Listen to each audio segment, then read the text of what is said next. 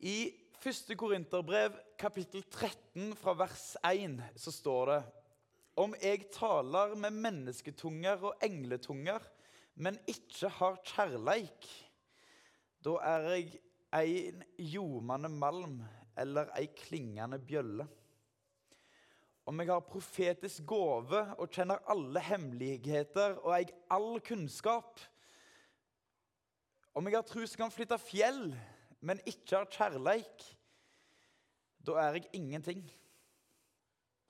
Om jeg gir alt jeg eier til mat for de fattige, ja, om jeg gir meg sjøl til å brennes, men ikke har kjærleik, da har jeg ingenting vunnet.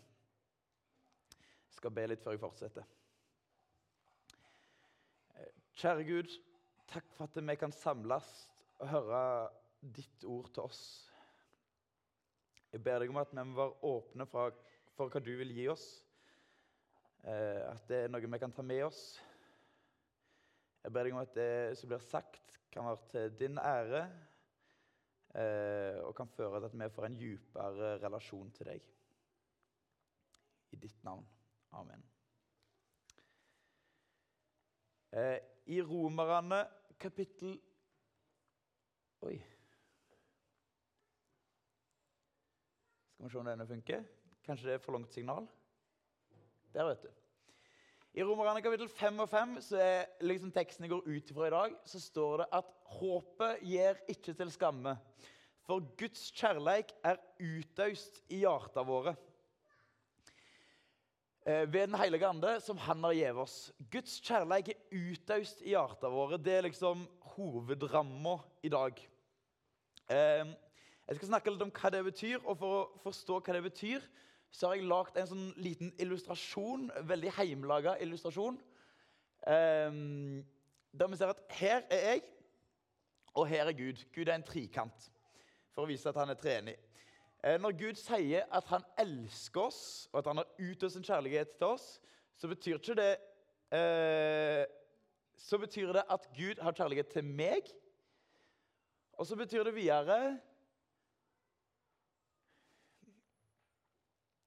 ja, at eh, vi har fått kjærlighet til Gud. Og så betyr det videre at vi har fått Guds kjærlighet til andre mennesker. Eh, det er liksom en, en trikobling der. Guds kjærlighet er utøst i våre hjerter.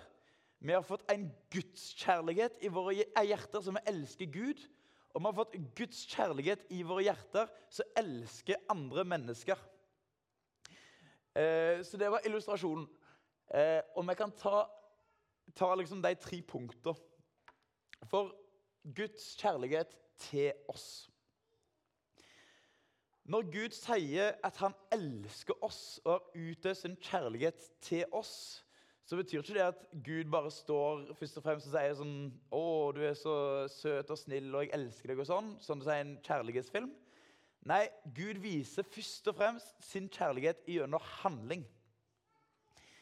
I et par vers etter verset eh, om at Guds kjærlighet er utaust, så står det i eh, Romerne kapittel 5 og vers 7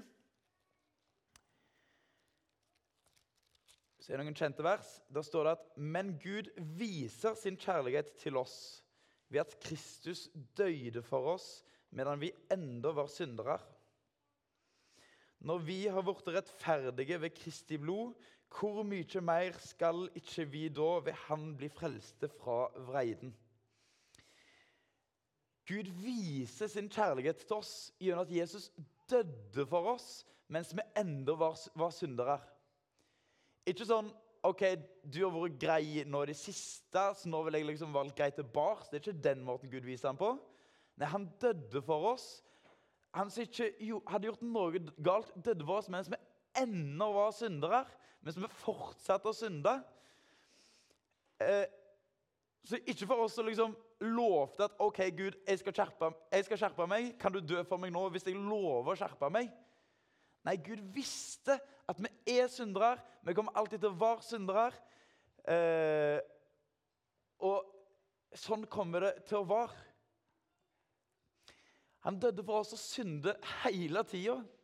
og så føler vi ikke får til kristenlivet. Vi skulle så gjerne snakket mer om Jesus til alle rundt oss. Vi skulle bedt mer, vi skulle lest mer i Bibelen. Eh, vi skulle ikke snakket så mye stygt om andre som jeg kan kjenne på at vi gjør. Og så døde Jesus for oss, selv om han visste at dette kom til å skje. Bare på grunn av hans nåde, bare på grunn av hans blod. Vi får lov til å komme bare fordi han er god. Han ble såra for våre lovbrudd. Han ble knust for våre synder. Straffa lå på han for at vi kunne ha fred. Og ved hans sår så ble vi helbreda. I Norge, eller i det norske språk, så har vi jo et ord for kjærlighet, som jo er kjærlighet. Eh, men det fins ulike måter å se kjærligheten på. Eh, I Bibelen så er det brukt litt flere ulike måter i den egentlige teksten, som gjør at eh, det kan være vanskeligere å holde tunga beint i munnen noen ganger. På gresk er det i alle fall tre ord for kjærlighet. Det er helt sikkert mange flere. Eh, og da er det Eros så er den fysiske, erotiske kjærligheten. Altså 'jeg elsker etter det jeg trakter etter'. Eh, 'Jeg elsker det jeg vil ha'. En annen er filos, en søskenkjærlighet eller en familiekjærlighet. Som betyr at du elsker liksom det som er verdt å elske. Vi har en relasjon, så derfor er det verdt å elske. Men når vi snakker om Guds kjærlighet, så snakker vi om en kjærlighet som heter agape. Det er en guddommelig og ubetinget kjærlighet. Den forventer ingenting tilbake. Den krever ingenting tilbake. Den er sjølofrende, og så er den definert av Jesus sjøl. Altså, jeg kan jo tenke at Bare den filoskjærligheten er jo ganske fin i utgangspunktet, og det er den. Eh, at du elsker det som er verdt å elske. Jeg elsker jo min familie. sant? Men Guds kjærlighet er helt 100% betingelsesløs. Eh, og vi leser nærmest definisjonen av han i 1. Korinterbrev 13. Der det er noen veldig kjente vers om kjærligheten fra vers 4. Der står det sånn om Guds kjærlighet at kjærleiken er tålmodig. Kjærleiken er velvillig. Den misunner ikke, skryter ikke, er ikke hovmodig. Kjærleiken krenker ikke, søker ikke sitt eget, er ikke oppfarende. Gjøymer ikke på det vonde. Han gleder seg ikke ved urett, men gleder seg ved sanninga. Alt holder han ut, alt tror han, alt håper han, og alt tåler han. Når Gud utøser sin kjærlighet, så forventer han ingenting igjen. Du skal bare få lov til å ta imot den kjærligheten som han vil gi. Eh, og hvis du tar imot den kjærligheten, så vil også den prege deg. Og det er da vi kommer til neste punkt. Vår kjærlighet til Gud. Eh, når du tar imot Guds kjærlighet, så vil du òg begynne å elske Gud. Dere har nok oppdaga at om du er forelska i noen eller sammen med noen, så blir du prega av personen du er med. Plutselig så eller hvis dere ser det på deg, Ofte er det mye lettere å merke det på deg rundt dere når dere ser at oi, du har forandra deg nå. Plutselig så eh, liker de ting de ikke likte før, sier ting de ikke sa før, og de får hobbyer som de ikke hadde før. Um, de liker det for at personen de liker, liker det på en måte. Uh, og, for, og jeg, er, jeg, er, ikke uskyldig jeg, uskyldig, jeg heller. Jeg har sjøl hatt en periode der jeg likte countrymusikk. Og det, det liker jeg ikke nå lenger, for å si det sånn. Uh, I alle fall så er Poenget mitt at når du elsker Gud, så vil du bli prega av han. Det som er Guds vilje, det vil du òg gjøre. Så hva er Guds vilje? Og da leser vi jo på en måte den som Av og til kan virke som en tunge liste. Du skal ikke lyge, du skal ikke stjele, du skal ikke baksnakke. Ikke tenk stygt om andre. Så Klarer du å holde Guds vilje? Nei. Men du får en lyst til å fylle han. Du vil gjøre det han vil. selv om du ikke greier det helt. Det er sånn som så Paulus skriver i Romerne 7 at 'jeg skjønner ikke det jeg sjøl gjør'. For det jeg vil, det gjør jeg ikke. Og det jeg avskyr, det gjør jeg. Sånn er livet. Helt siden Adam og Eva synda, så har mennesket hatt noe i seg som vi kaller for arvesynd, som gjør at vi ikke klarer å leve fullt etter Guds vilje. Um, så Gud elsker oss, og vi elsker Gud. I Bibelen så leser vi flere plasser at vi akkurat som brudgom og brud. Det blir til en gjensidig kjærlighet. Vi synger jo i Salige visshet f.eks.: Han er min brudgom, jeg er hans brud. I uh, Høysangen så leser du et helt strålende bilde på dette, her, der vi akkurat snakker til hverandre om vår kjærlighet til hverandre. Gud frir til oss og spør om vi vil være med han til himmelen.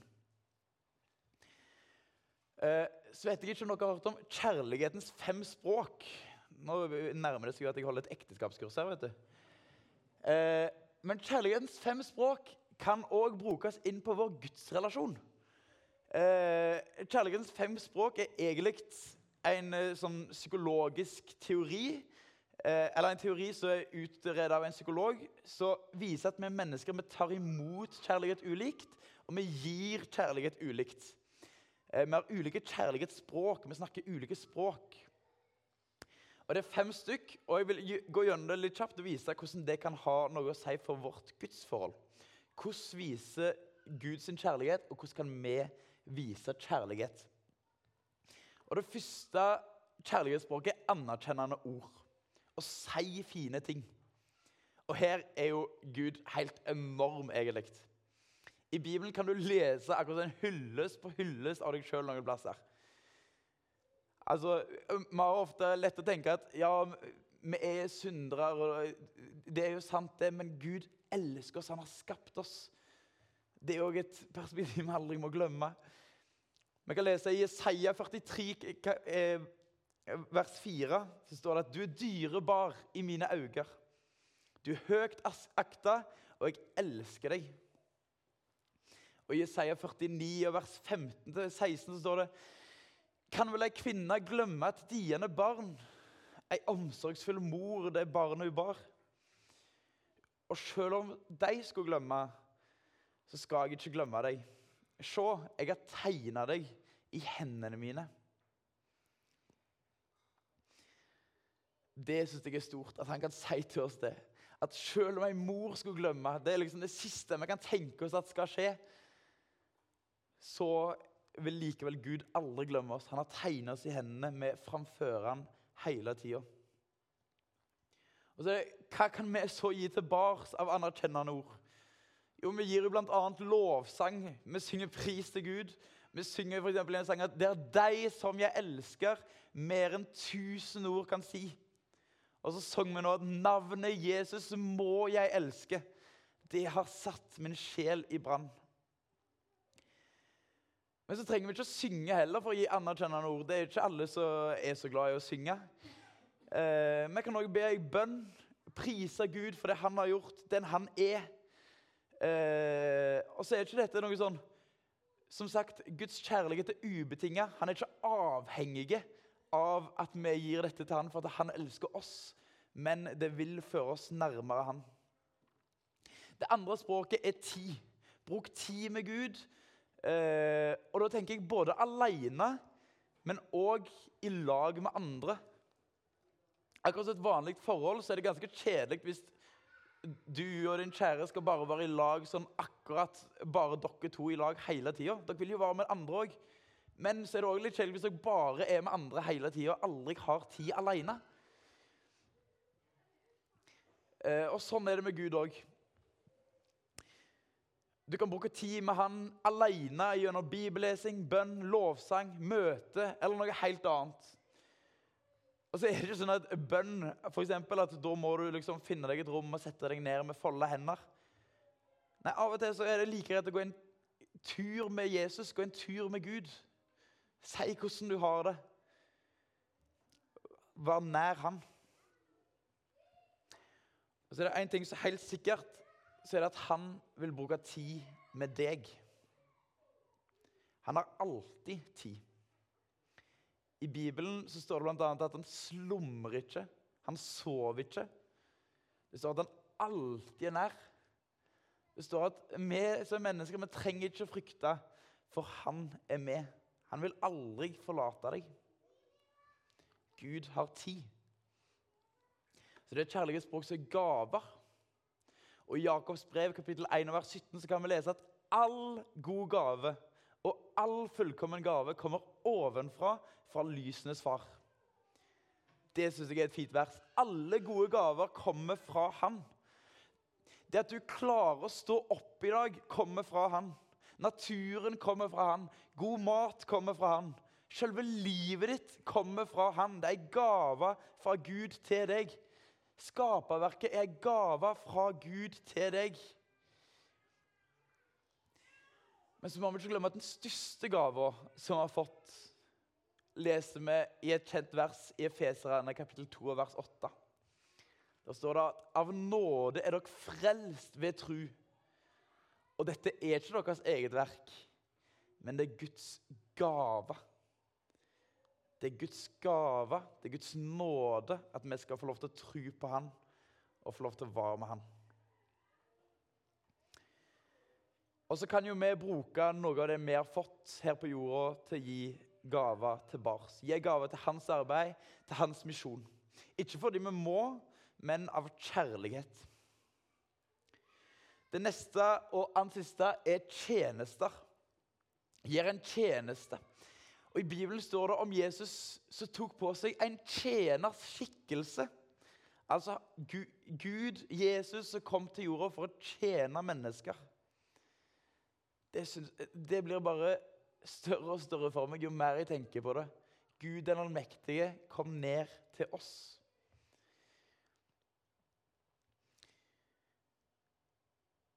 Og når han var her, så var det ikke sånn at han kom som en sånn slags OK, jeg er den mektigste på denne jorda. Eh, nå, nå, må liksom alle kjenne meg hele veien. Nei, han tjente andre. Han hjalp de fattige, han helbreda de syke. Eh, han så til de hjelpeløse. Og det gjør han i dag òg. Han passer på oss, tar hånd om oss mye mer enn vi forstår. Også For vår del så tenker jeg jo at det handler mye om å gjøre ting i Guds arbeid og tjenester. Det er bra med gaver til misjon, men noen må jo drive misjonen òg. Og da tenker jeg ikke bare på å reise ut som misjonærer til Øst-Afrika eller Mongolia eller et annet land, men det er mange tjenester hjemme òg som vi kan være med å gjøre. Om det er å spille på møte, pynte til møte, være leder på leir eller være med i søndagsskolen. Ja, Om det ikke er en møtesetting òg, så har Jesus sagt til oss at det dere gjør mot en av mine minste, det har dere òg gjort mot meg. Så når vi gjør noe mot vår neste, så gjør vi noe for Gud. Gjør vi en tjeneste for våre neste, så gjør vi en tjeneste for Gud. Og igjen ikke av tvang, men av kjærlighet. Det siste kjærlighetsspråket er fysisk kontakt. Og Noen vil kanskje si at dette er noe søkt, men i nattverden så kan du faktisk ta imot Guds nåde for deg på en konkret og fysisk måte. Så på den måten så får du på en måte en fysisk nær kontakt med Guds nåde her nede på jorda.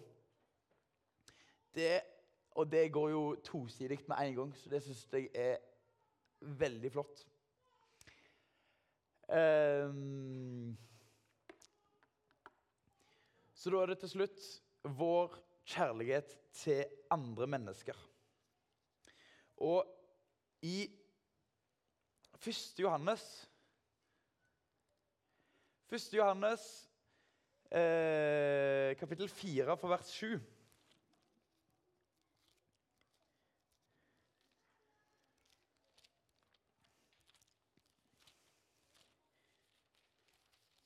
så står det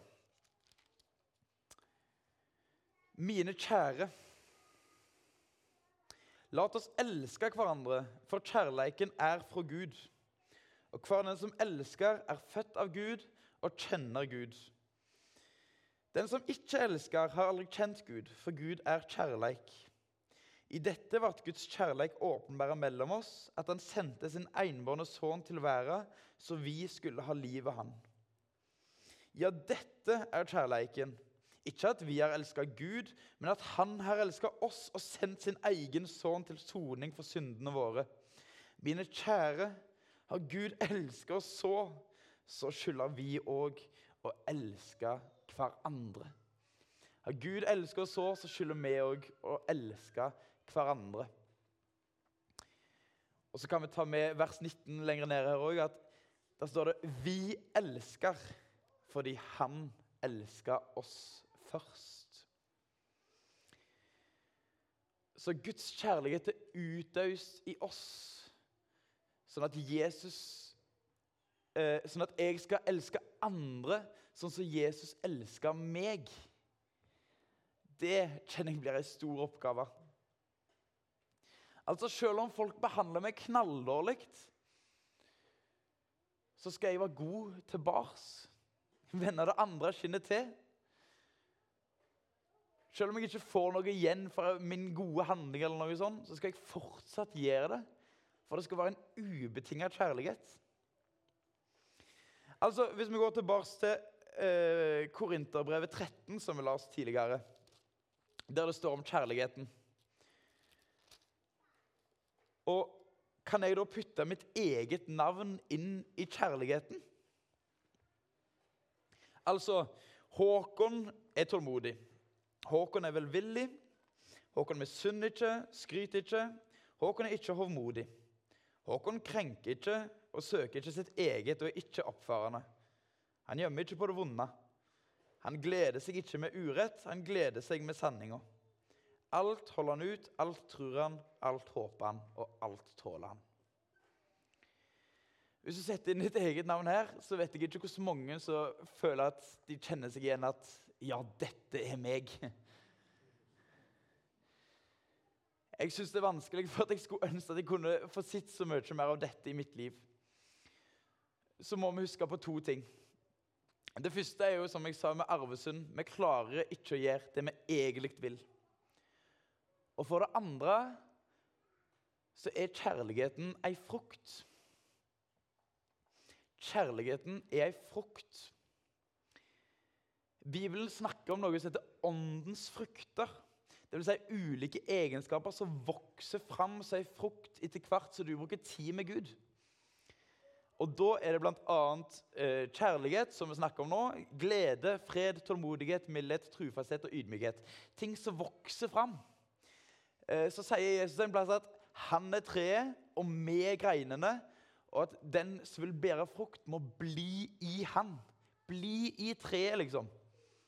Altså Når du bruker tid med han, så vil du bli prega av hans kjærlighet. Og så tror jeg du i større og større grad vil gjøre eh, Vil elske andre, se det neste. Hvis du eh, blir i han, bruker tid med han, lar deg prege av han som òg har snakka om tidligere. Elsker med agapekjærlighet. En kjærlighet som ikke forventer noe tilbake.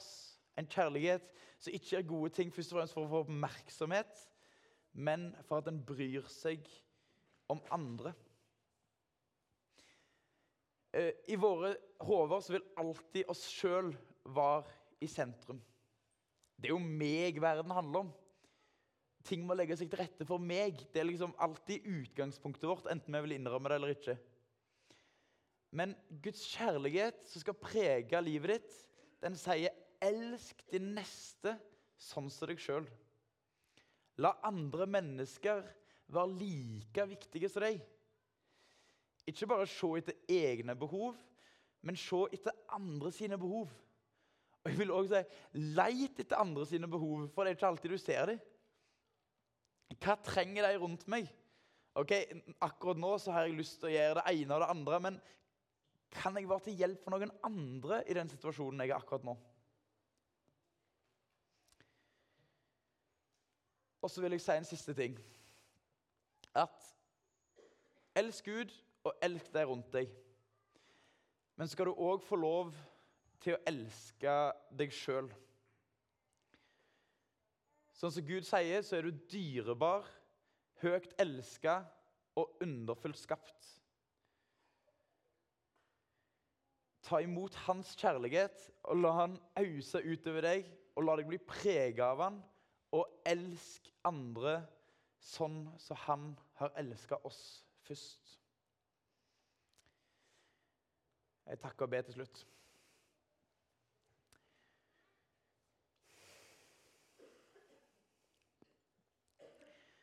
Gud, vi vil ta imot din kjærlighet. La han prege oss, så vi elsker både deg og elsker mennesker rundt oss. La din kjærlighet være i våre liv. Takk for at du døde for oss mens vi ennå var syndere. Takk for at du vil ta imot oss. Bare av din nåde, bare av ditt blod. Takk for at vi får lov til å komme bare for at du er god. Amen.